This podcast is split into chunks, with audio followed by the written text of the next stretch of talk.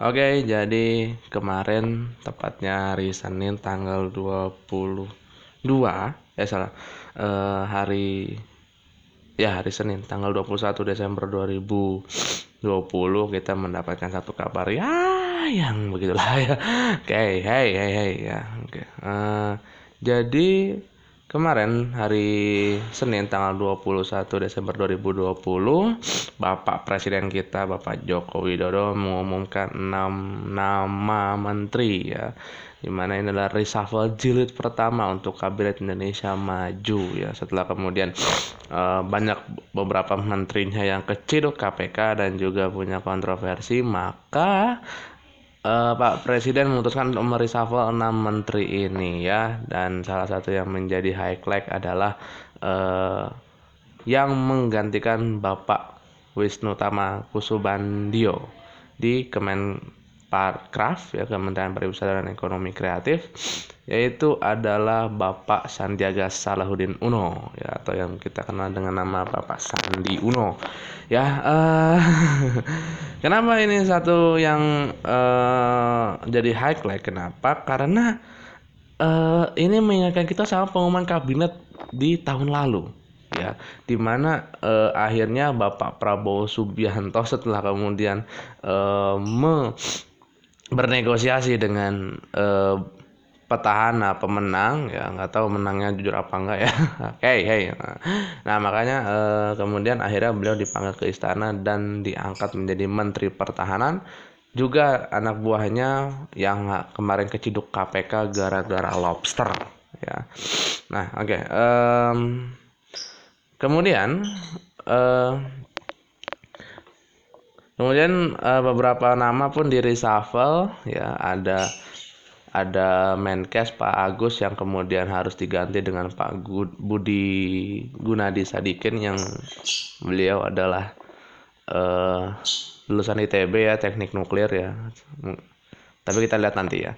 Kemudian ada Pak Yuliari yang kemarin habis keciduk kemudian digantikan oleh Bapak eh, eh oleh Ibu Wali Kota Surabaya Ibu Tri Risma Harini atau Bu Risma ya yang dengar-dengar katanya beliau udah nggak bakal nyalon lagi nanti. Kenapa? Karena hanya dua kali saja ya dalam peraturannya ya.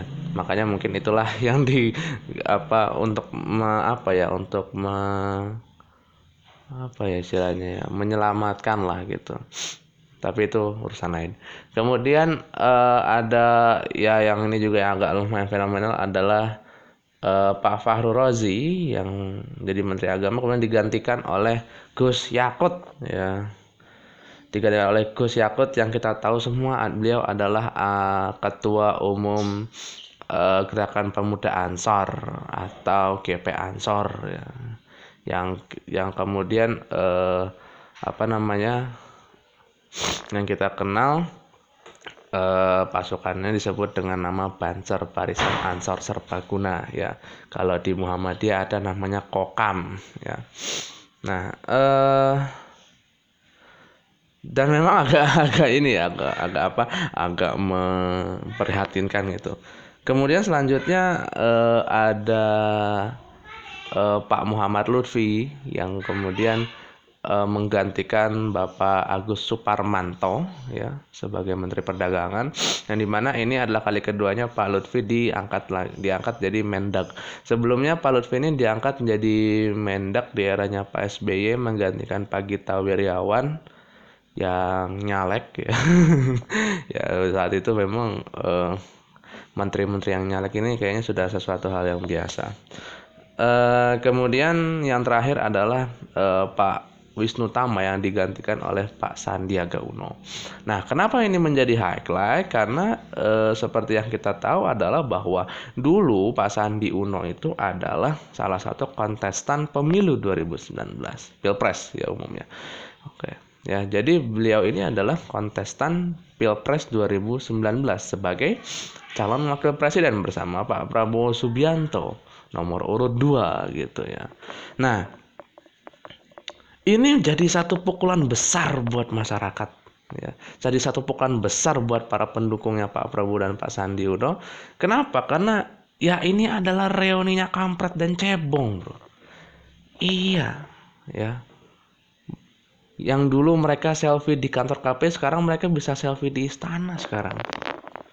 Yang tadinya mereka tuh cuma kongkol-kongkol doang ya ini sekarang mereka tuh akan setiap hari ketemu di istana ya antara rapat kabinet atau atau ratas ya. Tapi eh, apakah ini yang kemudian menjadi imbalan dari perjuangan rakyat yang sampai ada yang hilang hartanya, ada yang hilang nyawanya, ada yang kehilangan uh, partner bisnisnya atau enggak sahabatnya hanya gara-gara cebong dan kampret ya. Bahkan bahkan sekarang saya bisa bilang bahwa cebong kampret ini masih jadi sesuatu yang ini ya jadi dikotominya tuh masih ada sampai sekarang. Bahkan set, satu tahun setelah pilpresnya selesai pun masih ada yang namanya dikotomi apa cebong dan kampret itu. Walaupun sekarang apa uh, golongan-golongan kampret ini kemudian uh, berpindah ke uh, cebong ya. Akhirnya kampret ini misalkan hanya beberapa orang saja. Ya. Kasihan banget bagaimana ulama-ulama dipersekusi. Bahkan Habib Rizik pun harus kemudian ke luar negeri.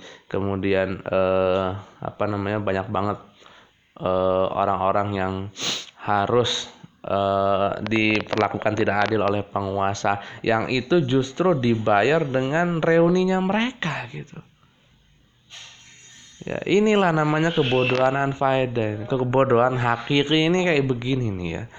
Dan ya aduh. Ya aduh ya Allah. Ketika kemudian masyarakat terpecah ya terpecah kemudian apa e, menjadi cebong dan kampret itu hari ini mereka berdua cebong dan kampret ini harus melihat satu kenyataan bahwa cebong dan kampret ini sekarang udah jadi jambret. Udah jadi jambret bro. Ya. Bahkan uh, Ust apa Ustaz Doni Rio ya di salah satu postingannya tuh membayangkan andai kemudian 02 yang menang. Ya nggak bakal jauh beda karena mereka nggak menang pun ya begini apalagi nanti kalau menang. Ya. Nah maka buat bapak-bapak ya tolong pak ini kalau bapak-bapak mendengarkan ya. Tolong pak tolong banget tolong banget. Ini ada ada sekitar 600 eh, petugas KPPS yang meninggal karena pemilihan umum kemudian ada juga eh, beberapa puluh orang yang kemudian meninggal berapa ratus orang yang terluka dalam tragedi 22 Mei dan berapa banyak orang pula yang hari ini harus mendekam di penjara, mendekam di tahanan hanya gara-gara uh, tidak sependapat dengan pemerintah. Ayo dong pak, boyo mikir pak. Mas saya bapak mikir pakai apa pak? Hei, hmm, ini kasihan rakyat ini, ya, kasihan, kasihan kasihan. Nah buat anda para pemilih-pemilih kemarin yang kemarin nyoblos 2019 maka inilah masa untuk anda mempertanggungjawabkan pilihan anda ya tanggung jawabnya bukan ke saya tapi penanggung jawabannya adalah kepada Allah ya kenapa karena anda sama saja menjadi bagian dari rusaknya demokrasi ya dan Anda juga sudah mengalami bagaimana uh, susahnya hidup di zaman sekarang, tapi Anda tetap milih. Hei, otak Anda di mana? Hei. Ayolah Pak, aduh. Ini kalau sampai 2024 doi-doi maju lagi. Yang nggak tahu ya kalau Pak Jokowi ya.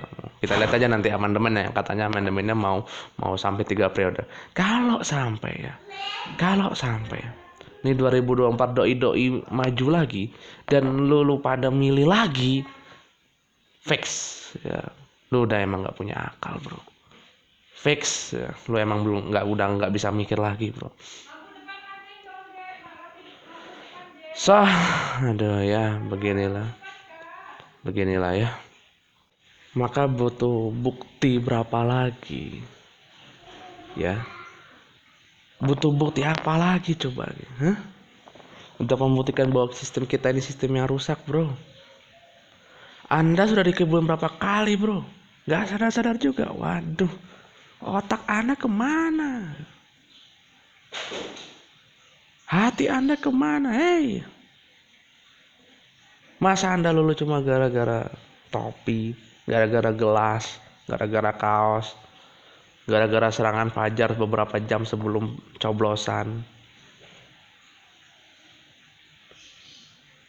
Mereka ma maju itu bukan karena Anda, tapi karena dompet mereka, kantong mereka, perut mereka. Hmm. kasihan rakyat, Pak, kasihan, kasihan ya dan anda juga para pemilih-pemilih yang kemudian apa ngatang-ngatain kampret ngata-ngatain cebong ya bagi para kampret dan para cebong ya mohon mohon sekali anda boyo mikir lagi. Ya. udah kesekian berkali ini bro bro. Hey hey hey hey. Aduh. ya. Andai boleh ngomong kasar ya saya nggak boleh ngomong kasar. Oke itu aja dari saya. Yang pada intinya adalah bahwa mau berapa kali anda dikebulin hey mau berapa kali? Mau berapa kali anda nyadar kalau ini sistem yang rusak bro? Mau siapa pun yang maju mau kiai kah mau lama mau profesor mau apa selama sistemnya jelek ya jadinya jelek bro.